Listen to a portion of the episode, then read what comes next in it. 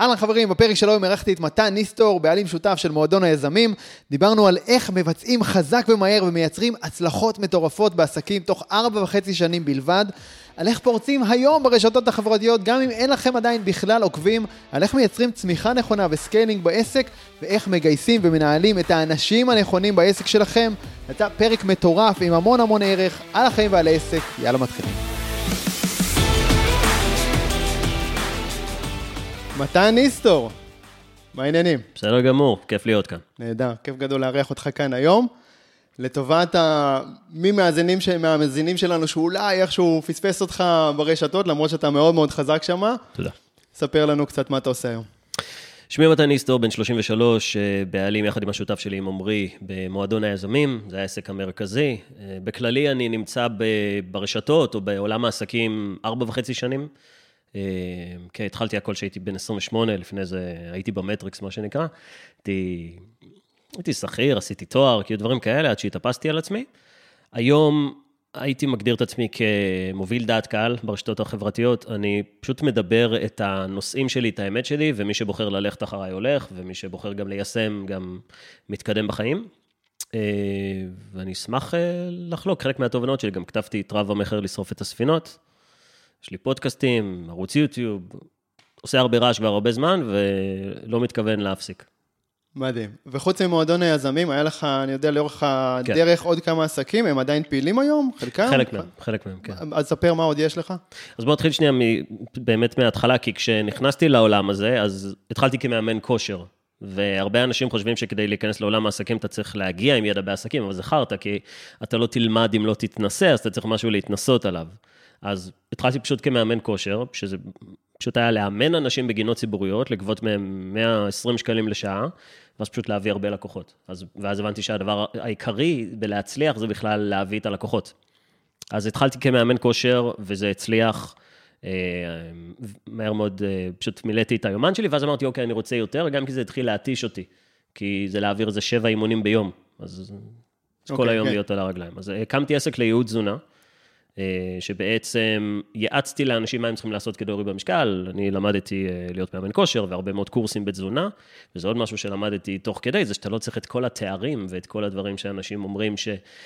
יש כל כך הרבה חוסר ידע היום לגבי הצלחה, לגבי עולם העסקים ולגבי איך להרוויח כסף. אני פוגש את זה כל הזמן. וזה למרות שהשוק מוצף במידע יותר מאי פעם, בשנת 2023. כן, כי, כי זה לא משנה כמה מידע יש, המוח שלנו מתוכנת ללהישאר בחיים, ובשביל רוב האנשים, להקים עסק זה לצאת מאזור הנוחות, ויציאה מאזור הנוחות מקושר ללהקטנת סיכויי ההישרדות שלך. אז זה לא קשור למידע, זה קשור לטבע שלנו כבני אדם. נכון, אז... אני מסכים עם זה. אנחנו עדיין פועלים כמו האדם הקדמון בהרבה מאוד דברים, כן. ונכון. אז, אז גם כשיש המון ידע, אני מסכים, יש יותר ידע, והקורונה גם עזרה לאנשים קצת להתאפס על החיים שלהם, אני, אני חושב, כי הקורונה נתנה לאנשים זמן לחשוב. אה, אבל בסוף מי שמחליט לפחד מהחיים, זאת תהיה האסטרטגיה שלו, והתוכן שנקליט כאן לא רלוונטי, הוא מוזמן לנטוש כרגע. כי אנחנו, כי אנחנו הולכים לדבר על איך להצליח, איך להרוויח כסף, איך ליצור תוכן, אה, אני אספר על דברים שאני עשיתי, על ההצלחות שלי. וכן, התחלתי כמאמן כושר, עבר אחרי זה... לקחתי ייעוץ עסקי והסבירו לי איך מקימים עסק ממש. עסק ממש זה כבר שיש לך צוות וכוח אדם, ויש לך, אתה משקיע בשיווק. כבר בתחילת הדרך לקחת ייעוץ עסקי? מ-day one. ממתי okay. שהפסקתי להיות מאמן כושר שמאמן בגינה, ועברתי למשרד והתחלתי לבוש מכופתרת. באמת, משם, כי זה, זה היה הסוויץ'. אבל כל... זה מקום שכבר היו לך מאמנים תחתיך? לא. או שעדיין לא? לא, לא, כלום. אוקיי, שפשוט החלטת לעשות מזה עסק. אני לבד. לא רק להיות uh, העצמאי, מתן העצמאי, שו... כן. מאמן כושר, אלא לבנות מזה עסק אמיתי. נכון. ה setup התחלף מגינה למשרד, האדידס והנייק שמתי בצד, שמתי בגדים יפים. ייעוץ עסקי, עוסק מורשה, שיהיה בהצלחה. Okay. אוקיי. ושוב, בלי יותר מדי הבנה של איך עושים את זה. זהו, אז במקום הזה הבנת שאתה לא מבין, נכון. והלכת לקחת ייעוץ עסקי. נכון, הבנתי מעולה. שאני לא מבין, וזה משהו שרוב האנשים עדיין לא הבינו לגב, לגבי עצמם. שהם לא מבינים, כן. כן, זה כל האנשים שמנסים להקים עסק ולראות... זה, אתה יודע, יש איזו סטטיסטיקה, אף פעם לא בדקתי אותה, אבל כולם מדקלמים לי אותה כל הזמן, תשעה מכל עשרה עסקים נסגרים. אין לי, אין לי עובדות, לא, לא בדקתי, לא יודע גם איך בודקים את זה. אבל בוא נזרום על זה. בוא נגיד okay. שבאמת 90 אחוז מהאנשים לא מצליחים, בדקו את זה. בערך 10 אחוזים מהבעלי עסקים לוקחים ייעוץ עסקי. אז אולי העשרה עסקים, העשרה אחוזים שכן מצליחים, זה אנשים שהבינו שאין להם מושג איך מקימים עסק ואיך, ואיך עושים כל דבר, והם היו מספיק חכמים כדי להבין שהם לא מבינים. אוקיי, וללכת לקבל עזרה. כן, אגב, כן, זה לא רק, ב, לא רק בעולם העסקים, כל דבר שאנחנו רוצים להצליח בו בחיים, וחסר לנו ידע, או חסר לנו כן. הרבה פעמים ליווי, את הבן אדם הזה שייתן לנו את הדחיפה, שיראה לנו את הדרך, שעבר את הדרך לפנינו, שהשיג את התוצאות שאנחנו רוצים להשיג. מאמן כזה, או יועץ כזה, מקצר לנו את הדרך להצלחה בצורה משמעותית. לגמרי. אם יש משהו שלמדתי מבית הספר, זה באנטיגונה היה את חטא ההיבריס, כן, החטא הקדום. החטא הקדום, חטא הגאווה, שאתה חושב שאתה יודע, בעולם העסקים זה טעות. אז אני הבנתי שאני לא מבין, הלכתי, שילמתי ליועץ עסקי 100 אלף שקלים פלוס מע"מ למשך שנה, זה היה, ולא היה לי את הכסף, היה לי את הכסף לחודשיים. זאת אומרת, היה לי איזה 20 אלף בעובר ושב, אז אתה משלם 7,000, 7,000, בשלישי כבר אין לך 7,000 בשנה, 8,000, כבר אין לך את זה, אז, אתה חייב ליישם את מה שלמדת בחודשיים הראשונים, מאוד מאוד מהר, כדי לייצר הכנסות, כן, אוקיי. אחרת אתה בבעיה. ומכאן גם הספר שלי, או גם הקעקוע שיש לי, של לשרוף את הספינות, שבעצם אומר, אנחנו פועלים טוב יותר כשאנחנו עם הגב לקיר, ו- וזה היה מאוד נכון לגביי. לגמרי, אז זה מוטו שאתה ככה מרגיש אותו לאורך החיים כן, שלך? וזה גם סייע לי להתקדם מאוד מהר. אחד הדברים שאני מאופיין בהם זה שמהיום שהקמתי את העסק במשרד עם המכופתרת, עם העוסק מורשה, כן. עד היום עבר ארבע וחצי שנים. על השעון. זה מדהים, זה מאוד מאוד מהר. כן. בואו, ספר לנו ככה ב- ב- בקצרה את התהליך, את ה... זה, העסק אבל, אבל זריז, תזונה- כי יש לנו עוד הרבה על מה לדבר. זה שמון. העסק התקדם, אה, היו בסוף אה, עשרה חברי צוות, העסקתי דיאטנים, אה, אנשי מכירות, היה לי סמנכ"ל, החברה עשתה כמה מיליונים בשנה, עשתה לדעתי שלוש וחצי מיליון בשנה השנייה שלה. אוקיי. ב- בשנה. יפה.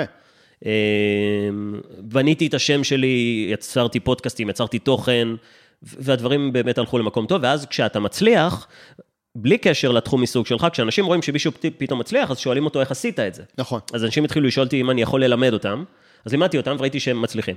אז אמרתי, יש פה משהו חדש. משם התגלגלתי לעולם של ייעוץ עסקי, הייתי גם יועץ עסקי אוקיי. במשרה מלאה למשך תקופה, היה לי רק לקוחות של ייעוץ עסקי, ופשוט לימדתי אנשים, ואז הכרתי גם את השותף שלי, את עמרי, של, שאנחנו שותפים היום, שותפים כבר אה, כמה שנים, הקמנו ביחד את המועדון, זה ממש על הוא היה ספידים. מנטור שלך לפני זה או הוא משהו יועץ, כזה, הוא נכון? היה אחד היועצים העסקיים שלי. אוקיי. אה, הוא היה היועץ העסקי האחרון שלי בעצם, ואז הוא נהפך כבר להיות השותף שלי, שזה טוב שזה יועץ עסקי כבר לכל החיים. מדהים.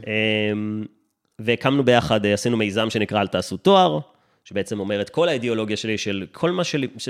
המשפט אל תעשו תואר בא להגיד, כל מה שלימדו אתכם, תשכחו.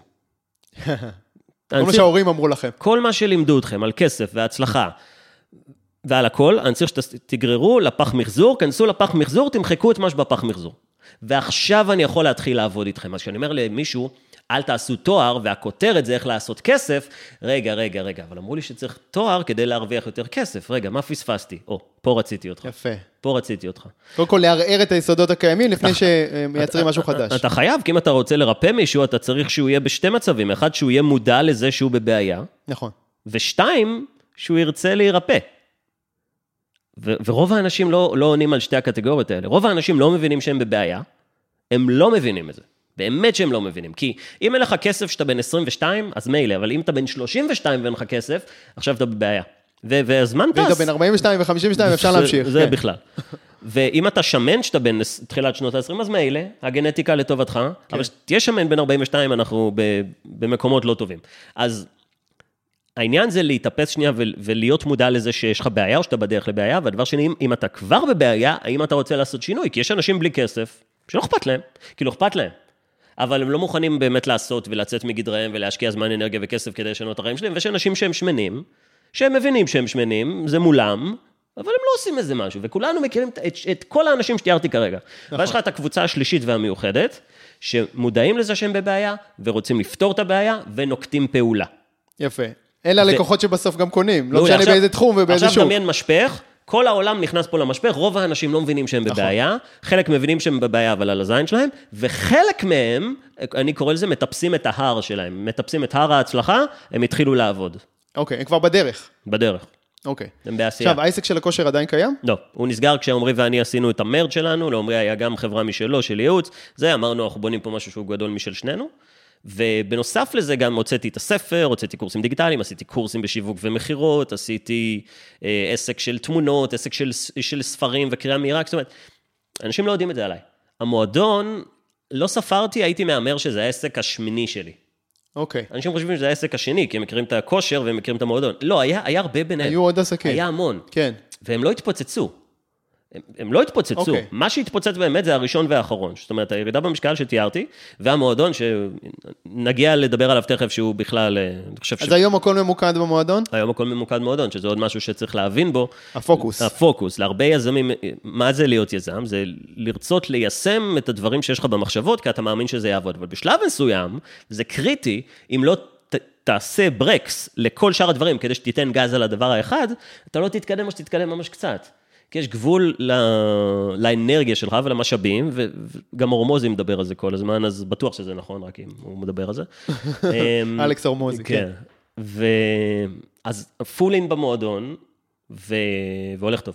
אנחנו עכשיו מתחילים את השנה השלישית שלנו במועדון היזמים. למי שלא מכיר את מועדון כן, היזמים... תן קצת מספרים, זה... מי שלא מכיר את מועדון היזמים, זו חברה לייעוץ עסקי, אה, בבעלות עמרי ובבעלותי, והקמנו אותה ביחד, וכל המטרה שלה זה לעזור לאנשים להקים את העסק הראשון. בשונה מייעוץ עסקי שיש היום בהרבה מאוד מקומות, אנחנו לוקחים אנשים ממש מאפס, ועוזרים להם אם צריך למצוא את הרעיון לעסק הראשון שלהם, וממש מתניעים איתם את הכל, איך משווקים, איך מוכרים, איך מתמחרים, אה, פן מנטלי, התנהלות, איך בונים תשתית לעסק. וראינו שזה לא קיים, ואנחנו עושים את זה מאוד טוב, וגם האבטר, הלקוחות שלנו, הם אנשים אה, בשנות ה-20, החיילים המשוחררים, בנים ובנות, אז הם מגיעים, והם מגיעים גם כדי שיהיה להם את הסביבה הזאת. במספרים, סגרנו עכשיו את השנה השנייה, בשנה הראשונה מכרנו ב-14.5 מיליון שקלים במחזור מכירות, בשנה השנייה, בשנת 2023, שעכשיו מסתיימת, אה, הגענו ל-21 מיליון, ובשנה הבאה אנחנו רוצים יותר. ומה מכוונים? ל-50. אוקיי. כן. אחת קפיצה. כן. היה לנו שנת מלחמה, אתה יודע, זה השלב, זה השלב, ש... זה השלב שאני מתרץ על זה שהגענו רק ל-21 מיליון. אבל אה, זה המשחק, וזה משחק שהוא אחר, כי כשאתה בעלים של חברה, ויש לך, לנו מנכ"ל, מנכ"ל מדהים שקוראים לו עידן, ויש לנו סמנכ"ל שקוראים לו רם, ויש לנו עוד חברה של, שהקמנו, שיובל, אה, זה ה... יובל פלקוביץ', אה, מנכ"ל של חברה בשם טריו שעושה שיווק. אז אתה עובר לכובע אחר. וזה, זה, אני, אני לא יודע מי האנשים שצופים בנו עכשיו, אבל אני היום נמצא בכובע שהוא חדש לי עדיין. כובע הבעלים. להיות בעלים ולא להיות מנכ"ל. להיות זאת אומרת, בעלים, מראש בניתם נכון. את העסק הזה בצורה שאף אחד מכם לא ממנכ"ל אותו. נכון, כי בשנה הראשונה... ולייצר חופש? בשנה הראשונה, עמרי ואני מנכלנו את העסק, היה לנו את כל התחומים, אז יש לך אה, שיווק, מכירות, שירות, כספים, אה, אירועים, זה משהו מאוד גדול אצלנו, הרבה, וחילקנו, זה שלך, זה שלי, לפי חוזקות, לפי דברים כאלה. כן. בשנה השנייה הבאנו את המנכ"ל. אז עכשיו יש מנכ"ל, ואז כאילו, אוקיי, אז, מה- אז מה עכשיו? אז מה אני עושה? חוץ מלצלם מלא סרטונים ולהתארח לגמרי, בפודקאסטים. וגם לעמרי ולי היה את האתגר הזה של אוקיי, אז מי חונך את המנכ"ל? אז הוא בא לשנינו? אז הוא בא לשנינו כי הוא רוצה את הדעה של זה ושל זה. רגע, אז נהיה פה משולש. אה, יפה, כן, זה מורכב, זה אז- מוני- זה מנכ"ל ושני בעלים. זה מנכ"ל ושני בעלים, זה שלושה אנשים, יש גם סמנכ"ל עכשיו, אז זה קבוצת וואטסאפ עם ארבעה אנשים. אז רגע, שנייה, חייבים לעשות פה סדר. ולקח לנו זמן להבין איך אנחנו עושים את הסדר הזה, והיום אוקיי. אנחנו נמצאים בסידור הזה. בעצם, אני כאן, אני מייצר תוכן, הוא נמצא עם הצוות, והם בונים תוכנית לשנה החדשה.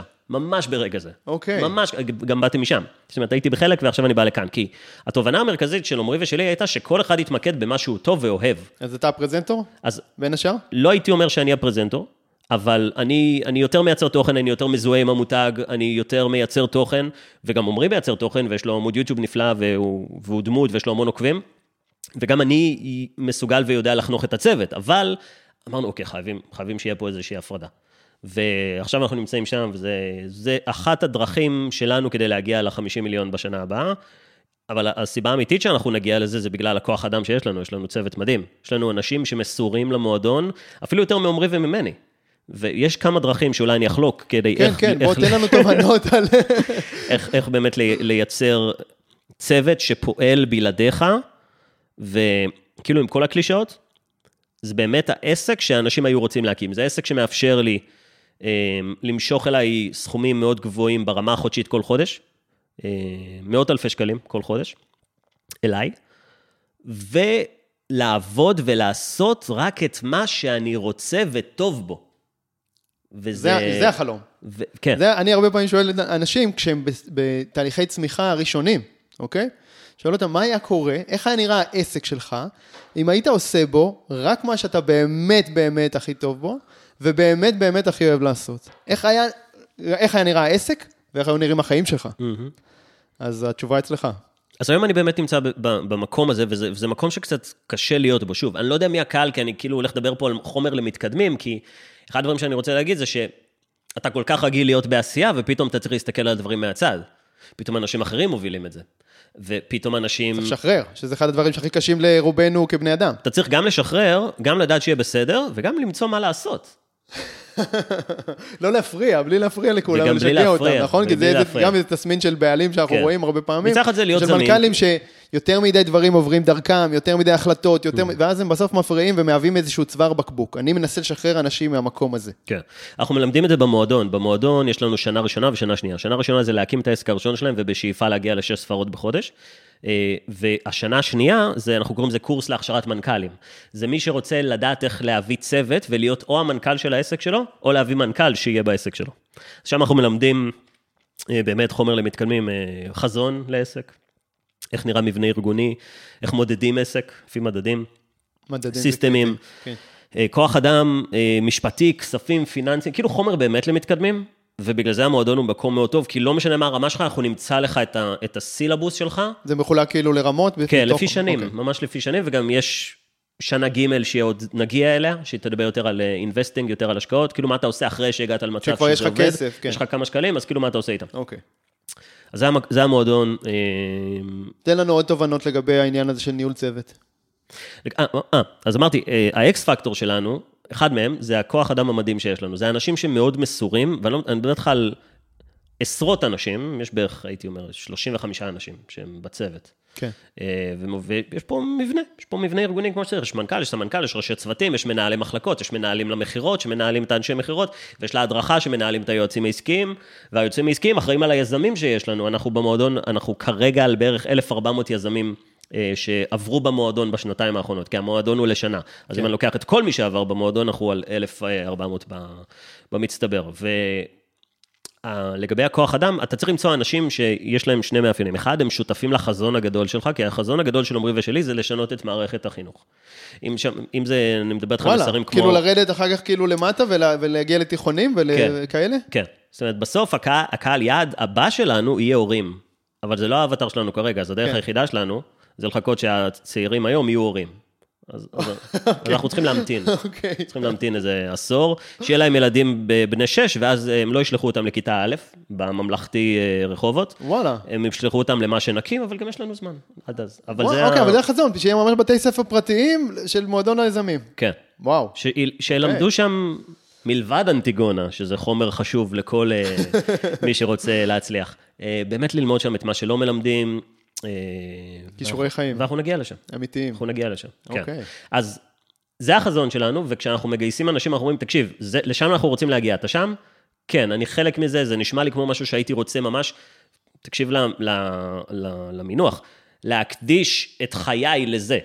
זאת אומרת, אנחנו אומרים לאנשים, אנחנו פה לא כדי לבנות, כאילו העסק עובד והוא מכניס כסף. לא, יש פה חזון של עשורים כן. קדימה, זה- זה פסיכי, זה לא, אה, זה מאוד נדיר בעסקים. אז- אז בטח זה- במדינת ישראל, ההזויה שלנו. כן.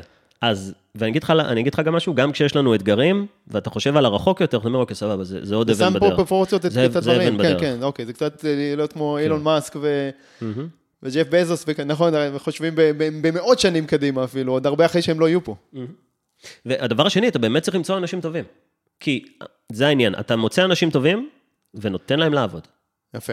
ולא לעבוד בקטע של תעבדו, אלא בקטע של תעשו את מה שאתם תייצרו. טובים בו. אתם טובים בזה, אתם לייצר, אוהבים אבל את לא זה, רק לעשות- אתם אוהבים לנהל, וואו, אתם כן. אוהבים לשווק, אתם אוהבים למכור. קחו, התפקיד שלי כמנהל, לא, התפקיד של מנהל, אנחנו קוראים לזה, זה להסיר מכשולים.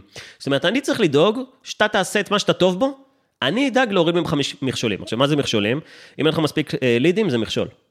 כן, ברור. אם אין לך מערכת אה, טובה לעבוד איתה, זה מכשול. אם אין לך מספיק כוח אדם, זה מכשול. אם אין לך מס- סיסטמים אם אם מסודרים. סיסטמים, אם אין לך הכשרה, אם אין לך אה, פן משפטי, אם אין לך כל מיני... אני אעזור לך להסיר את המכשולים כדי שאתה תתמקד במה שאתה טוב. מעולה. אז כשאתה מוצא את האנשים שהם באמת טובים במה שאתה עוש, שהם עושים, והייתי נותן עוד, עוד, עוד X factor, האנשים הבאמת טובים ומת, וחשובים למערכת, מתוגמלים באחוזים.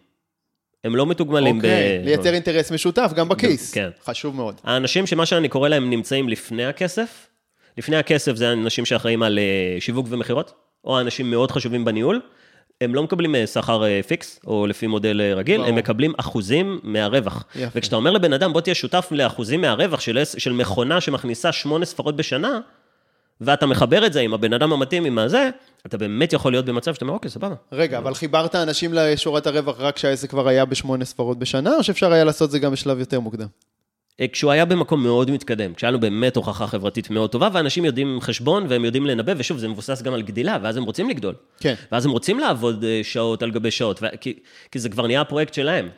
אז אוקיי. בסוף אתה אומר, הבן אדם, אנשים אומרים, אוקיי, אז למה, ש... למה הצוות שלכם לא הולך ומקים עסק בעצמו כל כך טוב? כי אמרתי, אחד חזון, שתיים אה, טובים ושלוש אה, תגמול. נו. אז הם אומרים, אוקיי, אם הסעיף השני הוא נכון, למה הם לא הולכים ועושים משלהם? הסיבה היא, קודם כל הראשון, כי הם מבינים שביחד נגיע רחוק יותר, וכי באמת יש פה סביבה מאוד טובה להיות כי חלק. האופי שלהם הוא יזמים פנים-ארגוניים. נכון. יש הבדל, זה סוג אחר של אנשים. נכון, זה נקרא אינטרפנורס, שזה יזמים בתוך החברה, ואלה אנשים סופ מאוד חשובים, וגם מרוויחים, מרוויחים הרבה מאוד כסף. אז הם מבינים שהם מעדיפים להיות כחלק מקבוצה חזקה שעומדת להשתלט על העולם, אה, מאשר להיות, אתה יודע, בהרפתקה הפרטית שלהם, שהיא תהיה רווחית בוודאי, כי אלה אנשים טובים, אה, והם עושים את הבחירה שלהם. אז אוקיי. לכל מי שמקשיב לנו עכשיו, זה באמת היה חומר למתקדמים, אבל ת, תשאלו את עצמכם, האם יש לכם צ'ק על שלושת האנשים האלה? מניסיון, אין. מניסיון, אין את שלושתם לרוב בעלי העסקים, ואז הם אומרים משפטים כמו קשה למצוא אנשים טובים היום. רגע, אבל יש עוד משהו שאני מקפיד עליו כשאני מגייס, וכשאני מדבר על זה עם הלקוחות שלי. אה, לשים לב שסולם הערכים, תגיד לי אם אתה גם פוגש את זה אצלך, שסולם הערכים של הצוות, בטח הצוות הבכיר, אבל בשאיפה שלי, של כלל הצוות, יהיה תואם לסולם הערכים שלי. זאת אומרת, הדברים שאיתם הם, עליהם הם יצאו למלחמה, מה שנקרא, הד- הדברים שהם ב- ב- בדם ליבם, הם כן. זהים. נכון, זה נכנס לסעיף הראשון שאמרתי. לצערנו, בשלב הקבלה לתפקיד אתה לא, אתה לא תצליח לדעת אם הבן נכון, אדם אה, דובר בשלב אמת. ההכשרה אתה צריך- ובימים הראשונים, נכון. בשבועות הראשונים בתפקיד, בשביל זה צריך, צריך לדעת אה, גם לפטר מהר מי שלא מתאים. כן, אתה צריך, אתה תלמד את זה תוך כדי, אבל באמת שבמועדון אנחנו נמצאים במקום מאוד טוב, אחת הסיבות זה הכוח אדם המדהים שלנו, עוד סיבה זה פשוט כי עלינו פה על צורך.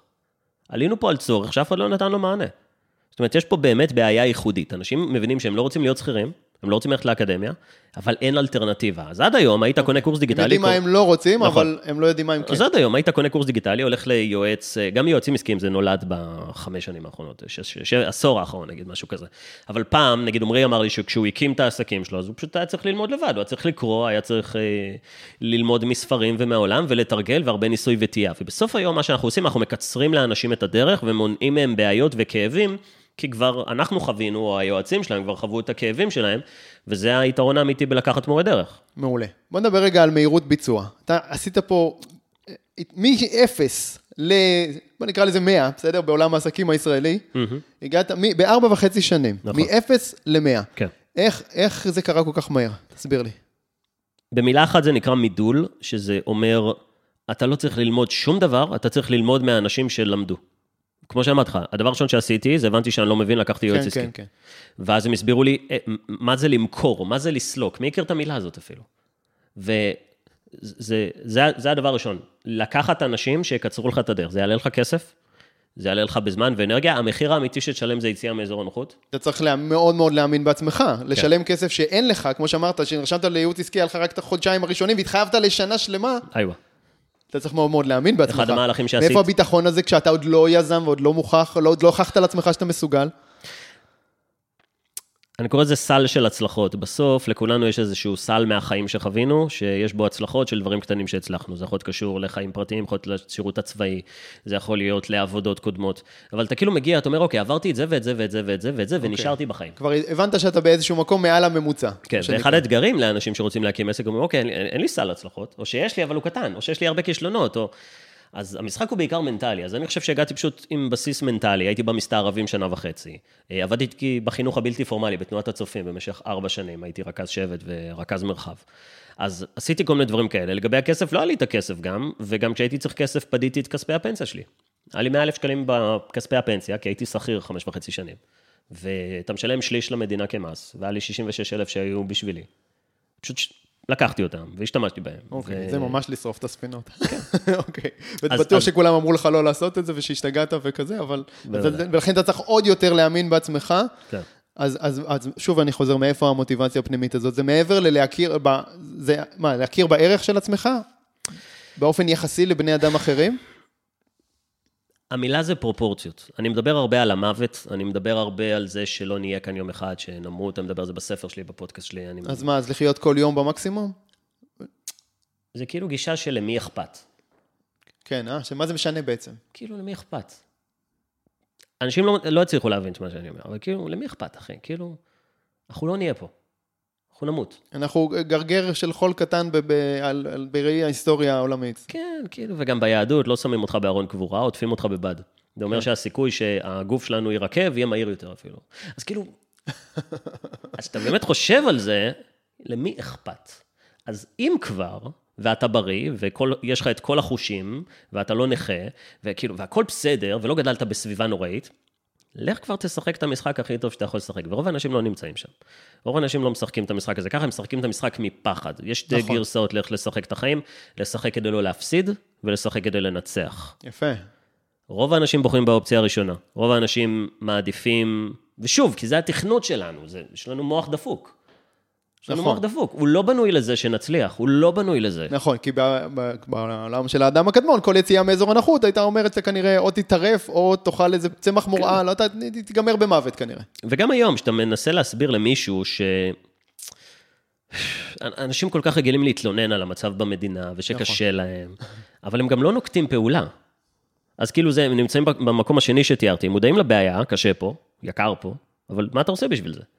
ויצא, אני מנהל כל כך הרבה שיחות עם אנשים, גם אם זה ברשת, או פנים אל פנים, או במהלך השנים שאני נמצא בעולם הזה, וכאילו אני, יש, יש משל שאני משתמש בו הרבה פעמים כדי להסביר לאנשים איך אני, כאילו, כמה שהם נמצאים במצב שהוא מגוחך, שאני קורא לזה משל ההומלס, שאם יצא לך פעם לראות בן אדם שגר, שגר ברחוב, ואתה מסתכל עליו, אתה באמת מתבונן בו, אז אתה אומר, אוקיי, זה, זה בחור בשנות ה-30, בדרך כלל זה גבר, הוא מלוכלך, הוא מוזנח, כן, אבל הוא כשיר.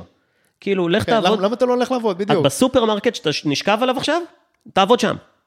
תחזיר עגבניות, יקבלו אותך, לך תעבוד במקצועות של שכר מינימום, שכל כן, ילד יכול לך לעבוד תשטוף בהם. כלים, כן, בדיוק. עכשיו, אם היית מנהל שיחה, עם, וזה דבר מרתק לדבר עם אנשים שגרים ברחוב, כי אנשים חוקרים הצלחה, אבל אנשים לא חוקרים אי הצלחה. כישלון. כן. אז, אז אם תלמד את זה, גם תבין ההפך. אז, תבין מה לא לעשות. אז בוא כן. סתם בשביל הדמיון, אם היית עכשיו מדבר עם מישהו ואומר לו, תקשיב, קום מהקיבוץ נדבות, לך תעבוד שם, תקבל 5,000 שקל בחודש, זה, זה שינוי מטורף. מה הוא יגיד לך? נו, מה? מה הוא יגיד לך? מה אתה מדמיין שהוא יגיד לך?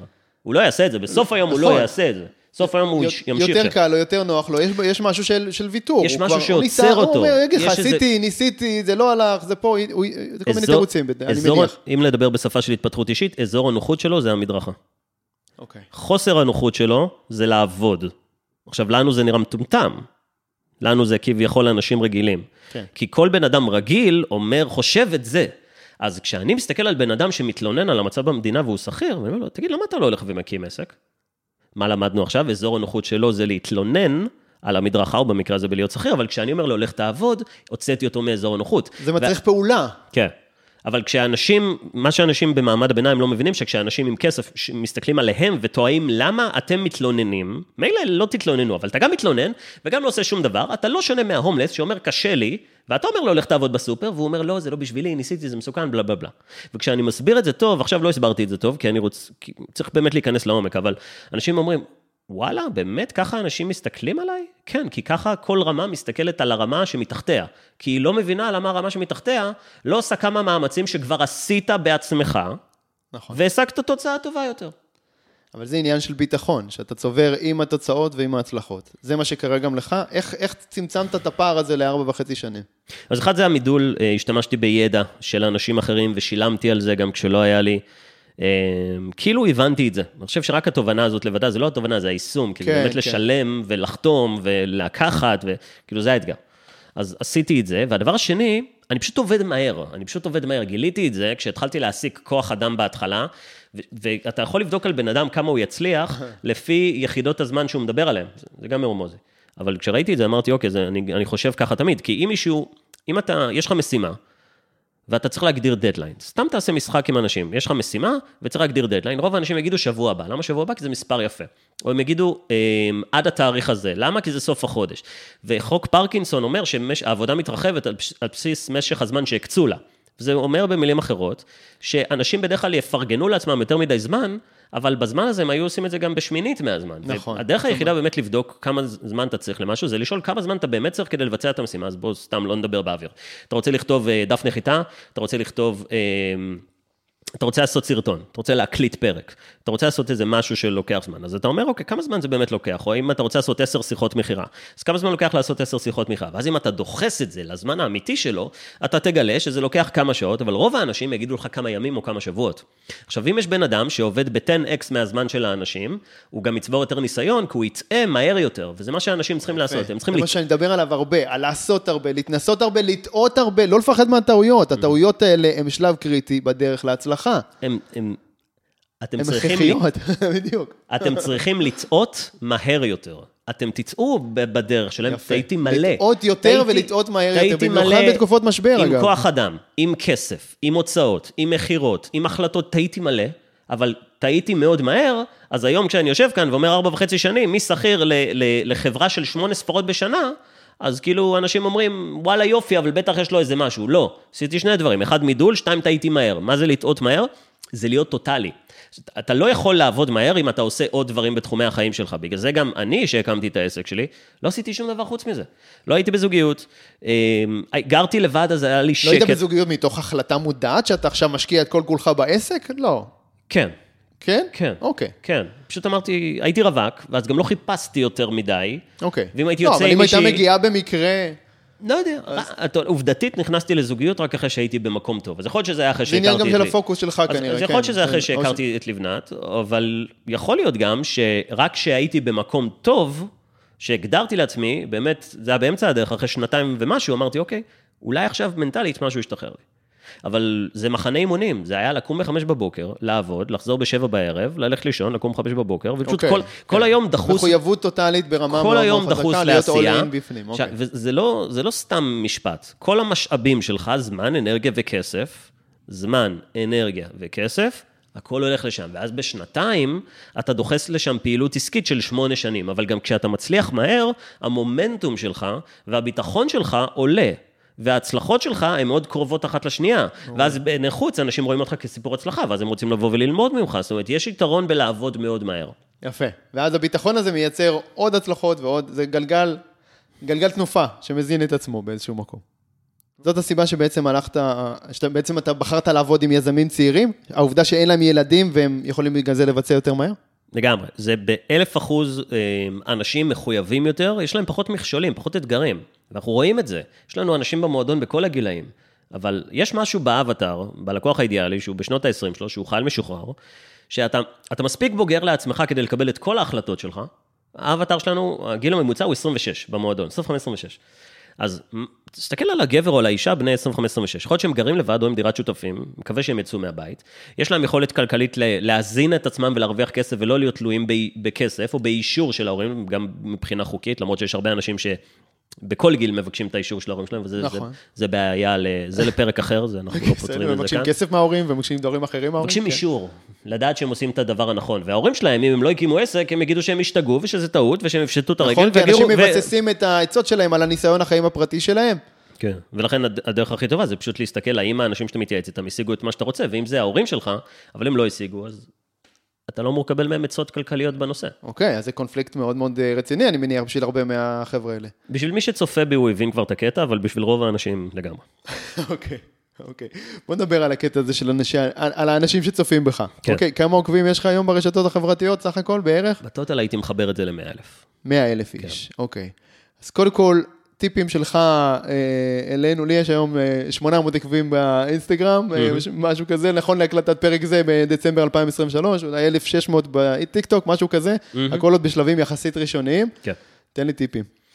כמו כל עסק, אתה צריך שיהיה לך בידול, אתה צריך שיהיה לך משהו שמבדל אותך משאר, ה... משאר המתחרים שלך ברשתות החברתיות. אם אתה מתחרה, בוא נראה עכשיו, כל מי שמסתכל עלינו עכשיו ואומר, הייתי רוצה שיותר יכירו אותי. קודם כל, אתה צריך לרצות את זה, יש המון בעלי עסקים, שכאילו נוח להם להישאר אנונימיים במידה מסוימת.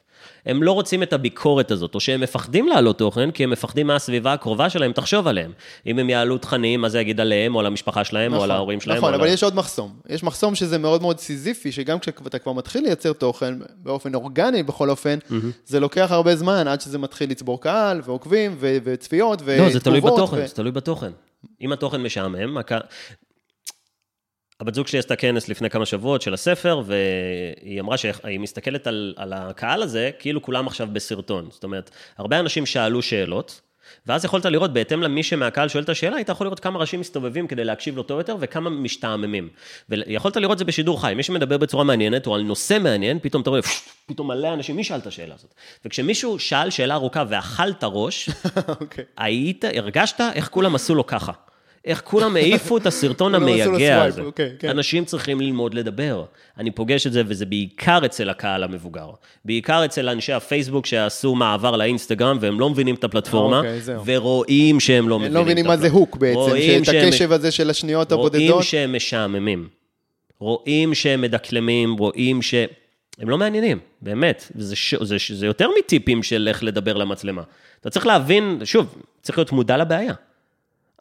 צריך... אה, ולהיות מודע לאבטר שלך, ולמה עובר לו בראש, ואיך הוא מרגיש, ולהתחבר למקום אז הזה. הייתי אומר שרוב בעלי העסקים המבוגרים שמעלים תוכן, לא מודעים לזה שהם נראים לא טוב, שהם מדברים לא טוב, שהם מוזרים, שקולטים שהם זקנים, כאילו, מה זה זקנים? אבל אם זה יכול להיות האבא- גם אם- אם יתרון, כל הדברים שאמרת, זה יכול להיות גם יתרון כמו שזה חיסרון. לקהל יעד הנכון. אם הקהל שלך הוא מבוגר, אז כן. בדרך כלל דומה מושך דומה.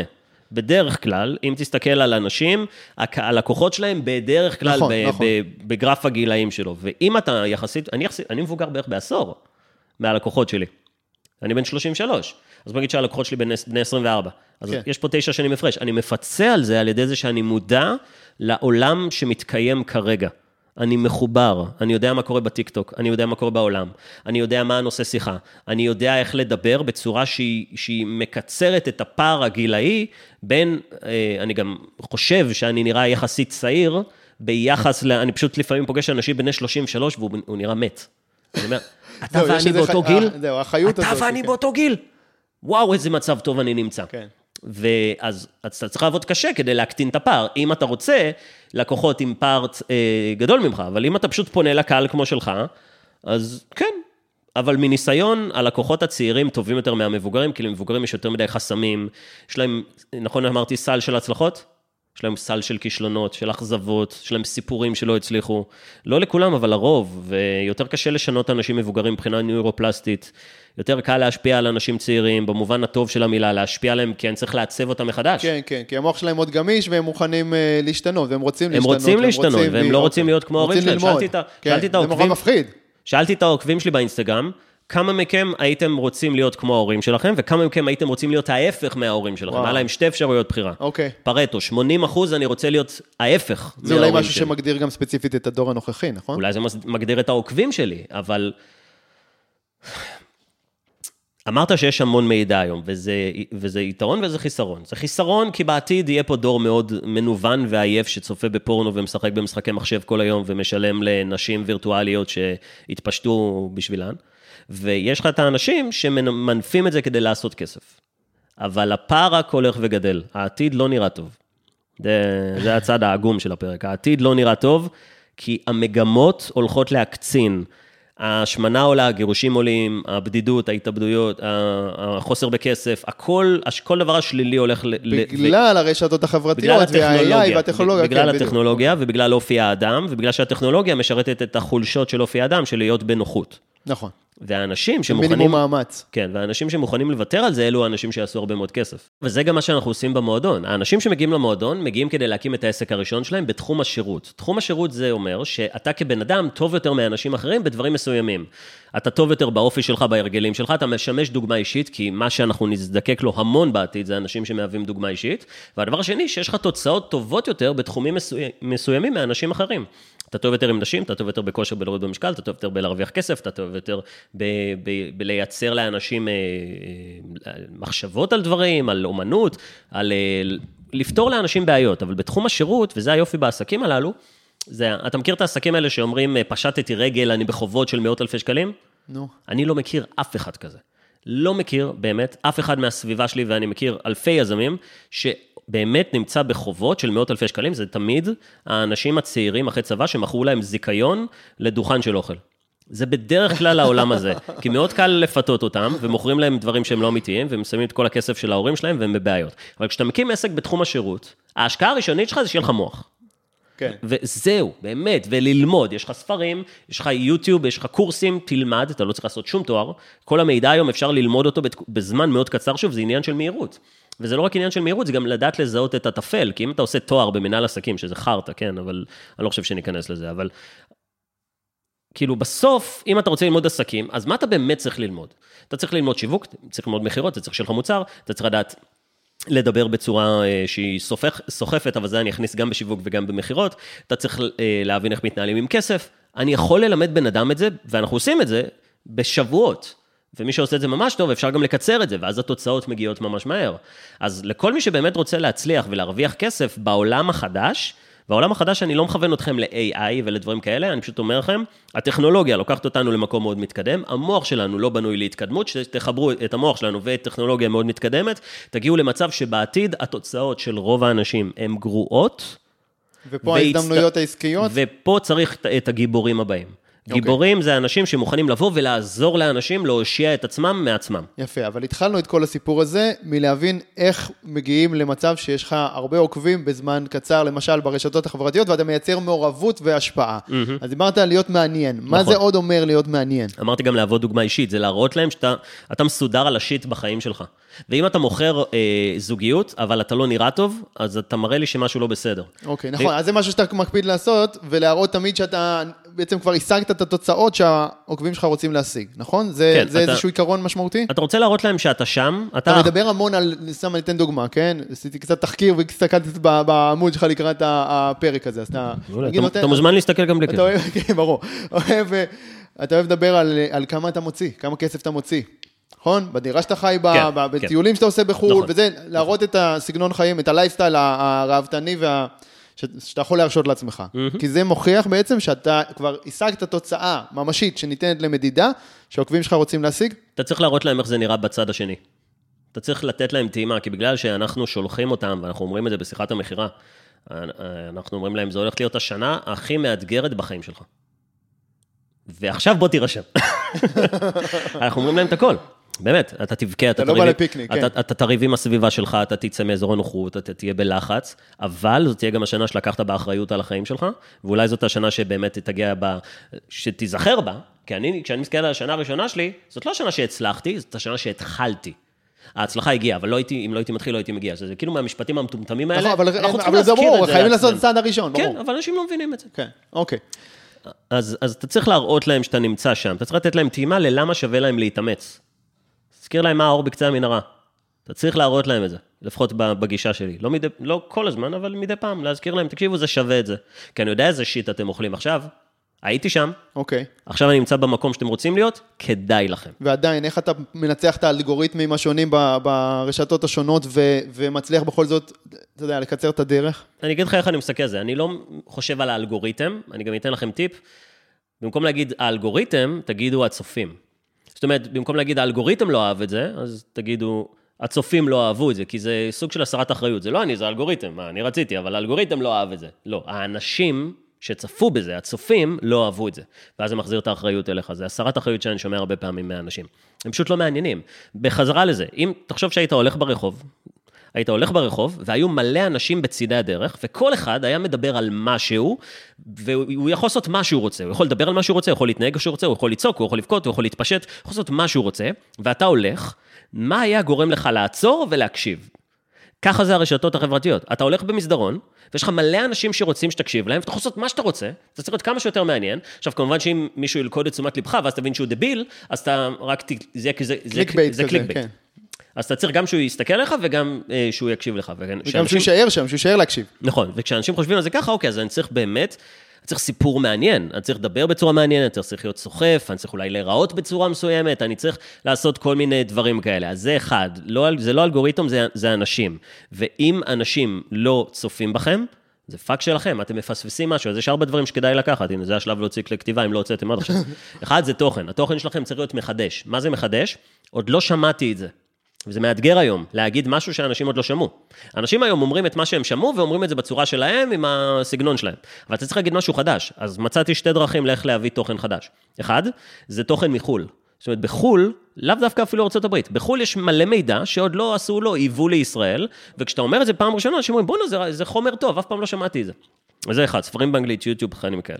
הדבר השני, זה לדבר הרבה בנתונים וסטטיסטיקות, כי המידע, המידע נמצא, אבל פשוט אף אחד לא חוקר. אז בכל תחום, לא משנה באיזה תחום אתם, אתם יכולים לחקור לסטטיסטיקות ולמחקרים את העולם שלכם, וכשתציגו את הנתונים האלה, אנשים יגידו, בואנה, אף פעם לא ידעתי את זה. וזה מחקר, ומי מתעסק במחקרים? מומחים ומקצוענים. אז זה כבר שם אתכם במקום טוב יותר, זה רק למה להגיד. Okay, אוקיי, מעולה. הדבר שני זה איך שזה נראה. ונשמע. אז אנחנו עכשיו בחדר עם אודיו ותאורה ומצלמות וזה, יש לזה חשיבות, כי אני פוגש המון אנשים שמקליטים שהם כאילו בשירותים וזה צורם לאוזן, בשנייה הראשונה לא מעניין אותי כמה אתם טובים, אם זה כואב לי באוזן, זה, אז נכון, אני, אני מדלג. ברור. כן, אוקיי. אה, ואיך שזה נשמע, ואיך שזה נראה, או עריכה גרפית, או סרטונים, או מוזיקה, וזה זה להבין איך עושים את זה. אבל התוכן יותר חשוב מהנראות.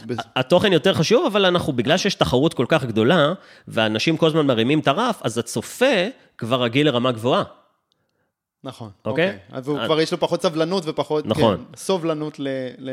כן. לרמנות. הדבר הנוסף זה איך אתה מדבר. יש אנשים שמדברים מאוד לאט, ואתה כאילו, זה, זה מייגע, תגיע לפואנטה. דבר כבר, תוציא מילה מהפה. אני מדבר מאוד מהר. אני מדבר כאילו אני ברגיל על 1.5 ביוטיוב. אז אם אתה תשים אותי עכשיו על 2, אז אתה כאילו, טה-טה-טה-טה-טה. אני ברגיל שלי מדבר מאוד מהר. לא חקרתי למה זה, אבל זה תמיד היה ככה, תמיד דיברתי... זה עניין של טמפרמנט, זה עניין של אנרגיה מסוימת. תמיד, תמיד דיברתי מאוד מהר, ואני חושב שזה עוזר, כי אם אנשים היום, כשאתה מקשיב לשיחות וואטסאפ, אתה מקשיב... אני, אני תמיד על פי שתיים, אין לי סבלנות באמת. אתה על פי שתיים. אין סרטון גם שאני רואה שהוא לא על פי שתיים. מה למדנו מזה? לאנשים אין כוח. תקצר להם את משך הדיבור נכון. שלך, כי באינסטגרם אי אפשר להכפיל אותך על פי שתיים. נכון. אז אם תדבר, וזה מה שאני... בום, העברתי אותך, אתה לא... זה לא אמרתי שאתה לא מעניין, לא אמרתי שזה לא ערוך, אמרתי שעד שהגעת לפואנטה, או שאני כל כך, אנחנו כל כך חיים בקצב שהוא מהיר, שכשאני רואה מישהו שהוא מדבר לאט, אין לי כוח לזה. למה הטיקטוק כל כך מצליח? זה קצב מהיר, זה טאק, זה טאק, זה טאק. ואנשים רוצים את זה, וזה לא קשור לדור הצעיר, זה קשור לנוחות שלנו, אנחנו רוצים את זה כאן ועכשיו. אז זה עוד טיפ, דברו מהר יותר, אבל גם תדברו ברור. תדברו בצורה שהיא סוחפת יותר. עכשיו, קל להגיד, קשה לבצע, הדרך הכי נכונה זה פשוט לתרגל את זה. אני עשיתי המון פודקאסטים והמון הקלטות והמון סרטונים, עד שהבנתי שכשאני צריך להגיד ועוד, אני עושה ככה. אבל עכשיו זה בא לי טבעי. והנקודה הרביעית, אז היה לנו בינתיים תוכן חדש, שהוא מעניין, מחו"ל או סטטיסטיקות. הדבר השני זה איך שזה נראה ונשמע, תאורה, צילום, עריכה, וידאו, דברים כאלה. הדבר השלישי, איך אתה מדבר, קצב, אה, שפת גוף, אה, נראות ודברים כאלה.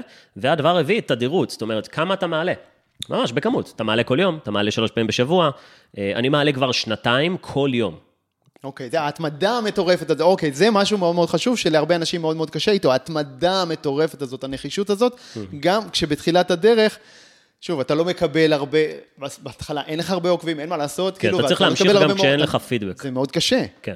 הדרך הכי טובה, אה, יש משפט שאומר, contact is the king, אז uh, feedback is the queen. זאת אומרת, אתה חייב גם פידבק, אבל לפעמים אתה מעלה סרטון, אתה לא מקבל פידבק, אבל זה הפידבק. שלא קיבלת פידבק. שלא קיבלת פידבק. אנשים מפספסים את זה, איך אני אדע, לא אומרים לי, או, אולי זה מעניין, אולי יש סיבה. אוקיי, יפה. אז זה גם, ואז אתה צריך לדייק את זה תוך כדי. זה קל היום אה, להיות ויראלי, אה, יותר קל מפעם, כי זה קשור לאזור הנוחות שלך. יש דברים שאם תגיד אותם, או אה, בצורה מסוימת, או נושאים שתדבר עליהם, אתה תקבל חשיפה מאוד גבוהה. הרבה פעמים זה יגיע עם הייט, תבחר אתה את ה... זהו, מסר מפלג, ואתה מאוד חזק בזה. תבחר אתה מפלגים, איפה אתה רוצה להיות. לא, אבל, אבל נכון, זה מאוד מאוד חשוב, העניין הזה של אה, לייצר אה. מסר מקטב, מפלג, כן. שיהיו אנשים, ההפך מאהבה. נכון. זה לא שנאה, ההפך מאהבה זה אדישות. אתה רוצה שאנשים, חצי מהם יאהבו אותך, חצי ישנאו אותך, עכשיו אתה עושה מזה כסף. כן, כי בסוף אתה יכול to fake it ולהגיד דברים שאתה פשוט יודע שיעצבנו אנשים, אבל הסיבה שיש לי תוכן מפלג זה כי אני בן אדם שהוא לא חי בנורמה. אז, אז המחשבות שלי, זה לא המחשבות של רוב האנשים. זה לא איזושהי פרסונה שניסית לייצר לעצמך? מתוך, כאילו, אה, הפרסונה הציבורית, הפרסונה שברשתות? עולם התוכן שלי בכלל לא מבוסס מה קורה במדינה. אני יודע שאנחנו במלחמה, ואני יודע שיש אזעקות כי אני שומע, ואני מכיר את הדברים החשובים. אבל להגיד לך שאני צופה בחדשות, לא צפיתי בחדשות כבר שנים. אני נגד פוליטיקה ולהצביע בבחירות. זה לא סתם, זה הגישה שלי. כל פעם שאני אדבר על העולמות האלה, אני פשוט אומר את דעתי, על הצורה שבה אני חי. שהיא מראש אה, והיא מראש, מפלגת ו... עכשיו, מה זה מפלגת? אם אתם רוצים לייצר תוכן שהוא אה, בולט יותר, אז בגדול אתם צריכים להבין מה זה עקומת גאוס, שרוב האנשים נמצאים במרכז, ואז יש לך את הקצוות, אז יש לך את רוב האנשים חיים במעמד הביניים, יש לך את האנשים שעשירים ואנשים שגרים ברחוב. אז אם אתה רוצה אה, לייצר תוכן שהוא מקטב, אתה צריך להבין מה הרוב חושב ולצאת נגד זה. זה לא מסובך. יש גם עוד דרך, כשיש אה, משהו מאוד אה, debate י, שיש שני נושאים, פשוט לקחת נושא ולדבר עליו ולהגיד את דעתך, ואז אתה תקבל hate מהנגד והמון אהדה מהצד הזה. אז נגיד ברמה עולמית, ישראל-עזה, ברמה עולמית. כן. זה debate, אז תקבל hate מכל הדבר. עכשיו, אם בטעות ישראלי יגיד שהוא נגד ישראל ושהעזתים צודקים, אז יצלבו אותו. הוא יקבל המון חשיפה. עכשיו, זה מטומטם. אבל, אז אתה צריך גם להבין, אז אתה צריך גם להבין איך, אה, איך לעשות את זה. אבל שוב, זה קשור להתפתחות אישית, כי אנשים יכולים להעלות את ההילוך שלהם, אבל הם מפחדים כל כך מהפידבק, שהם לא עושים את זה. רגע, אבל האם היה פה, היה איזשהו דף, יש איזושהי מחברת איפשהו ש, שבה יצרת את הפרסונה הזו, הפרסונה הציבורית שלך, או שפתחת פשוט טלפון והתחלת לצלם, והתחלת לעקוב אחרי מה מעניין, מה מייצר מעורבות, מה... וככה מצאת את הקול שלך, זה מה שאני מנסה קיבלתי המון פידבקים, קיבלתי המון פידבקים, כי הייתי בהמון עשייה, אני עדיין בהמון עשייה, אז אתה כל הזמן, יש לי עכשיו סדרת רשת חדשה, שנקראת יאללה גבר, שזה לא עולם תוכן שלי, אני לא מוכר אה, ליווי והצלחה עם נשים. נכון. אבל אני מדבר על זה שם. אבל אתה מדבר לאבטר שלך, ואז הוא מתחבר אליך, ואז הוא יבוא, כאילו, ירצה ממך עוד, זה נכון. המחשבה? זו תובנה שהיא גם מאוד מתקדמת. והיא בעצם אומרת את הדבר הבא, אם יש לי במצטבר 100 אלף אנשים שצופים בי בכל הפלטפורמות, ובמועדון קנו ממני אלף, אלפיים אנשים, זה אומר שאחוז, שני אחוז קנו ממני. זה, בוא נגיד את זה ההפך, 98 אחוז מהצופים בי לא קנו את המוצר שלי. עכשיו, בוא נגיד שהם לא רוצים להקים עסק. בוא נגיד שהם לא רוצים להקים עסק, או שהם כבר בעלי עסקים והם לא עשו את זה אצלי, או שהם צעירים מדי, או שהם מאלף סיבות. אני צריך לתת להם סיבה לעקוב אחריי. אם אני כל היום ידבר עסקים, עסקים, עסקים, שיווק, שיווק, תזרים מזומנים, כוח אדם, אז אנשים יגידו, תקשיב, אני רוצה לעקוב אחריך, אבל מה לי ולזה? אז אתה חייב לדבר לקהל שלא יקנה ממך, אם אתה רוצה שיהיה לך הרבה עוקבים. ואנשים לא מבינים את זה. להרחיב את המשפך. אתה חייב לדבר לאנשים של... כי מה הדרך האמיתית? אתה צריך ללכוד את תשומת ליבם ולהמיר אותם לדרך שלך. עכשיו, זה לוקח זמן, ואתה יודע מה התנאי לזה? הם צריכים לצפות בך. אז אם הם כל היום יראו שאתה מדבר על משהו שהוא רחוק מדי, הם יגידו תודה רבה, אבל זה לא אני. אבל אם אתה מדבר על משהו שהוא דומה להם, מזכיר להם אותם, רלוונטי אליהם, ולאט לאט הם יתמכרו אליך, אתה לאט לאט מתחיל להעביר אותם למקום שאתה רוצה, וזה לוקח זמן.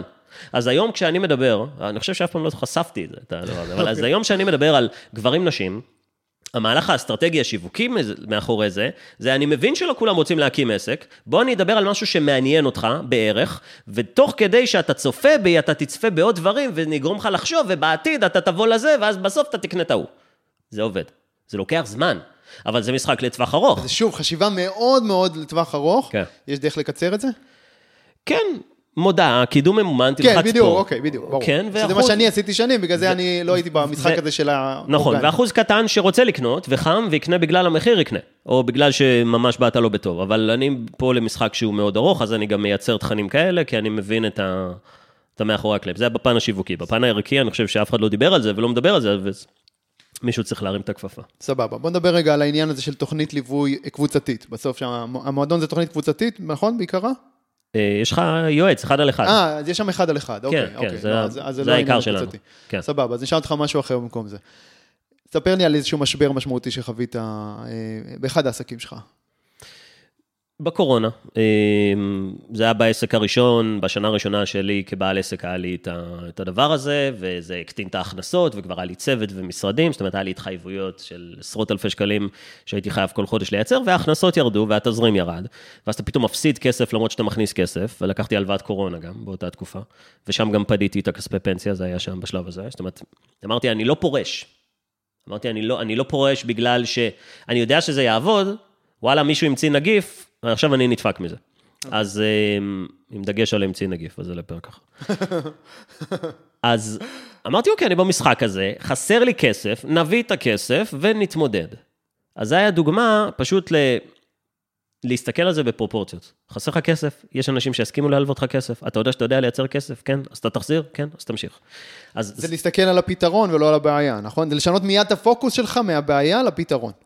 כן, כזה אני. ו... לה- זאת אומרת, לדייק את הבעיה הספ- מאוד מאוד ספציפית. הבעיה הייתה מה- כסף, את הפתרון. הבעיה לא הייתה נכון, נכון, חשיפה, לא, אבל לא הייתה... אבל- אבל אנשים אה, בדרך כלל לא עושים את החשיבה כל כך אנליטית ומהירה שאתה אתה עשית יודע, גם. אם הם עושים, אין להם את הביצים ללחוץ enter.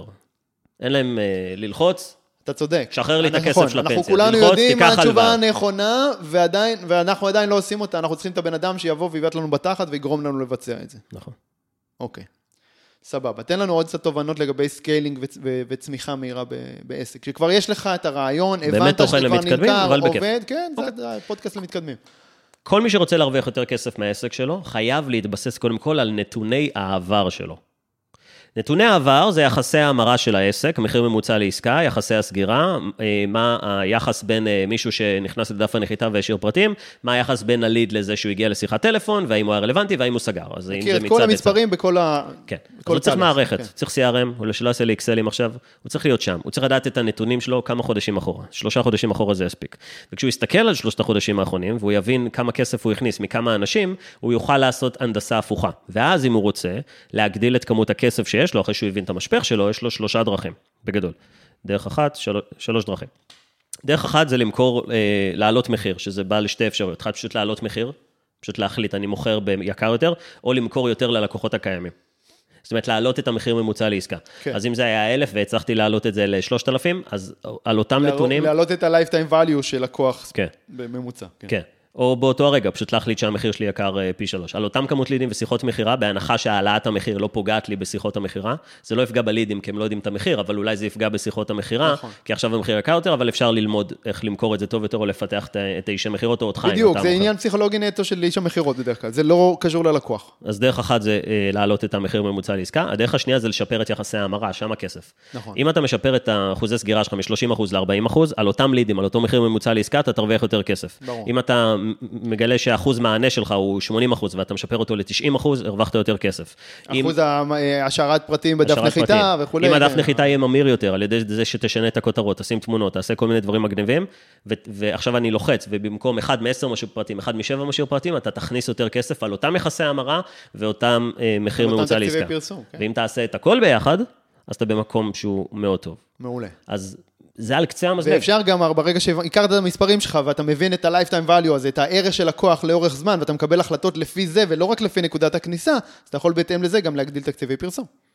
אתה יכול, כן, אתה צריך לדעת מה עלות רכישת לקוח שלך, אה, ואז בהתאם ליחס לכמה הוא מכניס לך, אתה יכול לשחק עם זה. אבל אתה צריך פשוט למדוד את עצמך, ואז להסתכל על הנתונים ולהסיק מהם מסקנות, מסקנות, ואז אתה יכול לבנות תוכנית. עכשיו, זה לא תוכנית של מה לעשות, זה תוכנית מה אני רוצה להשיג, כי אתה תבין, אוקיי, כדי להכניס אה, מיליון במקום חצי מיליון, אז אני צריך, אז רוב האנשים פשוט חושבים על להתחיל מהלמעלה של המשפך. זאת אומרת, אם אני מכניס 500 אלף ואני רוצה להגיע למיליון, נגיד בחודש, אז אנשים אומרים, אוקיי, אז אני מביא 100 לידים, אני מביא 200 לידים. לא. יכול להיות שאם תשפר את האחוז סגירה שלך ותעלה את המחיר בעוד 400 שקלים, אתה תגיע למיליון מבלי להביא יותר לידים. אנשים פשוט לא מסתכלים על זה ככה, זה נקרא להתחיל מהסוף. כן, בדיוק. יפה, להתחיל מהסוף, זה מאוד מאוד חשוב. כן. מעולה. אה, אני אשאל אותך שלוש שאלות אה, אחרונות, שאני שואל ככה את כל המרואיינים שלנו. קיץ. אה, שלושה ספרים מומלצים בעולמות של אה, ביזנס או התפתחות אישית, לא כולל הספר שלך. לא, כי באתי להגיד הספר ותן- שלי והספרים של השותף שלי, זה לא, בדיוק ותן- שלושה. תן גם דברים אה, שאני לא מכיר. ספרים על התפתחות אישית. Psycho-Cybernetics. פסיק... אוקיי. לא יודע איך אומרים לא את זה. הכרתי. כן, יפה. של, זה בעצם ההתחלה של, של ההתפתחות אישית. מדבר בהרחבה על כל העולם של ההתפתחות אישית, יש את זה רק באנגלית ממה שאני מכיר. אה, ב- לעסקים קלאסי הייתי נותן פשוט ראסל ברונסון, אה, להבין דפי נחיתה ופאנלים, כן, ולמי שזה... הטרילוגיה שלו, כן, המפורסמת. כן, למי שזה העולם שלו. ועוד ספר שהוא טוב לגבי עסקים, אה, אבא עשיר אבא עני, אבל רביע תזמ- תזרים המזומנים. פשוט להבין את העיקרון של לקפוץ מבין הרביעים ל-E, ל-S, ל-B, ל-I. אה, זה גם מה שאנחנו עושים במועדון. במועדון השנה הראשונה זה. משכיר לסלף אמפלוי, ואז השנה השנייה זה מסלף אמפלוי לביזנס אונר, והשנה השלישית זה מביזנס אונר לאינבסטור. אז זה כאילו המועדון בשלוש שנים. מעולה. עוד עשר שנים קדימה, אוקיי? מה יגרום לך להסתכל אחורה על העשור הזה, ולהגיד, וואו, וואו, איזה טוב, או איזה וואו, לא טוב. איזה או- מדהים. אה, איזה מדהים. אני לא מאמין ש- שעשיתי את זה, שהצלחתי, שהגעתי לשם. ש... כן. אני- אתה מכיר את זאת ששואלת אנשים, אה, מה החלום שלך? אתה מכיר בטיקטוק? שואלת מישהו, אה, מה לא. מה החלום, אתה לא מכיר את זאתי? לא. משנה. אז בגדול, כשאנשים עונים על, אה, על השאלות האלה, יש להם שתי דרכים לאיך לענות. אחד, אני רוצה לזוז ממה שאני עושה. זאת אומרת, אני רוצה אה, להקים עסק, אני רוצה להתחתן, אני רוצה לבנות מיזם שישפיע על אנשים בכדור הארץ. תקשיב לתשובות, תמיד זה או לזוז מהמשבצת שלך, זאת אומרת, אני לא אוהב את מה שאני עושה היום, זה לא החלום שלי. החלום שלי זה לעשות משהו אחר לגמרי. זה רוב האנשים, ויש את האחוז הקטן של האנשים שכבר נמצא במשבצת שלו, והתשובה בדרך כלל תהיה, בדרך כלל תהיה לעשות יותר ממה שאני עושה היום. זאת אומרת, זה לא יהיה פתאום לעשות איזה שיפט משמעותי, זה פשוט לגדול בכל התחומים, שיהיה לי יותר עוקבים, שיותר אנשים יכירו את הספר שלי, כבר, כבר כמעט 30 אנשים, 30 אלף אנשים קראו את הספר שלי, ואני אני עכשיו מתרגם אותו לאנגלית. אז אה, אני רוצה אבל להגיע אנחנו ליותר- התחלנו את הפודקאסט הזה מחשיבה שיש לכם אפילו עשרות שנה, עשרות שנים קדימה. אז אה, בתוך התוכנית הזאת, בעוד עשר שנים, מה שיגרום לך להגיד, וואו, זה אולי אה, אחד הבתי ספר הראשונים של... אה, אתה יודע, אני, אני לא חושב או- אפילו במובנים של עשר שנים, אני, קצת קשה לי לחשוב כל כך רחוק, אני חושב שבעוד עשר שנים נרצה להיות במקום הזה כבר של השינוי של מערכת החינוך, אבל אני פשוט יודע שכל עוד אני נשאר ב, ב, בווקטור הזה שאני נמצא בו, אני פשוט כל פעם אמשיך ויתפתח, כי זה, זה כבר גדול ממני, זה כבר גדול ממני, כאילו, אתה צריך ממש לפשל כדי שהדברים יהרסו כרגע. כי ואני- כבר זה צבר מספיק אה, תנופה. כן. דיברנו קודם על הגלגל תנופה הזה שמזין את עצמו. כן, כן. אוקיי, מדהים. זה מקום להיות בו, עם הרבה מאוד ביטחון להיות בו. כן. סבבה. קח אותך אחורה, הפוך. שאלה אחרונה.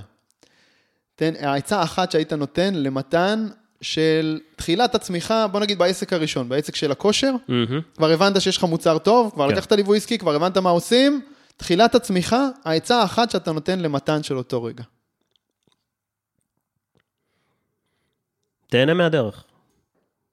לא הייתי משנה משהו, תמיד שואלים אותי מה היית אומר לעצמך שהיית צעיר יותר, אז אני, אני בגישה שלי, אם הייתי, ראיתי יותר מדי סרטים של מארוול כנראה, או סרטים על אה, חזרה לעתיד, אז אני יודע שכשאתה משנה את העבר, אתה משנה את העתיד, וטוב לי מהעתיד, אז אני לא הייתי רוצה לשנות משהו משמעותי, פשוט הייתי אומר, תהנה מזה, תהנה מהדרך. כל משבר שיש לך הוא יעבור, אתה תלמד מזה, אתה במסלול הנכון, תסמוך על עצמך, תהנה, תהנה מהדרך. כי היו תקופות שלא נהניתי מזה, היו תקופות כן, שזה כן. היה מבאס. תדאג ו- פחות, תהיה יותר רגוע, תסמוך על עצמך, תסמוך על היקום, כן. כאלה. הי- היום כשאני אומר ליזמים צעירים, סתום את הפה ותעבוד, זה כי הייתי שם המון זמן. לא נהניתי הרבה פעמים, אתה פשוט עושה את זה, אתה קם כל יום, אתה לא רוצה לקום, אתה מוכר, אין לך חשק למכור ואתה צריך כסף. כאילו, אז פשוט מה, עושה. צריך לנצח את עצמך פה, ב... כן, זה, זה המון משחק פסיכולוגי, פשוט להמשיך. להאמין בדרך ולהמשיך. כן. מעולה. אחלה תובנה לסיים איתה. מתן ניסטור, תודה רבה, זה היה תענוג גדול לארח אותך כאן היום. תודה. תודה. אני אשווק את עצמי. יאללה, קדימה. מי שרוצה להכיר אותי יותר, ואתם צופים בנו ביוטיוב עכשיו, אז שים לכם למטה קישור לעמוד היוטיוב שלי, יש שם המון סרטונים על עסקים, על אה, גבריות, על איך להכיר נשים, על איך להרוויח כסף. יש לי את הפודקאסט שלי בספוטיפיי, סביבה מנצחת, יש את מועדון היזמים, אם אתם רוצים להגיע, תגיעו למועדון ודברו עם אחד הנציגים שלנו, ויש לי את הספר שאתם מוזמנים לקרוא, לשרוף את הספינות, פשוט תרשמו אותו בגוגל והוא יקפוץ לכם, הוא נמצא בכל חנויות הספרים. יאללה, מתן ניסטור באמת עם הרבה ערך. תודה רבה. יאללה חברים, יאללה, ביי.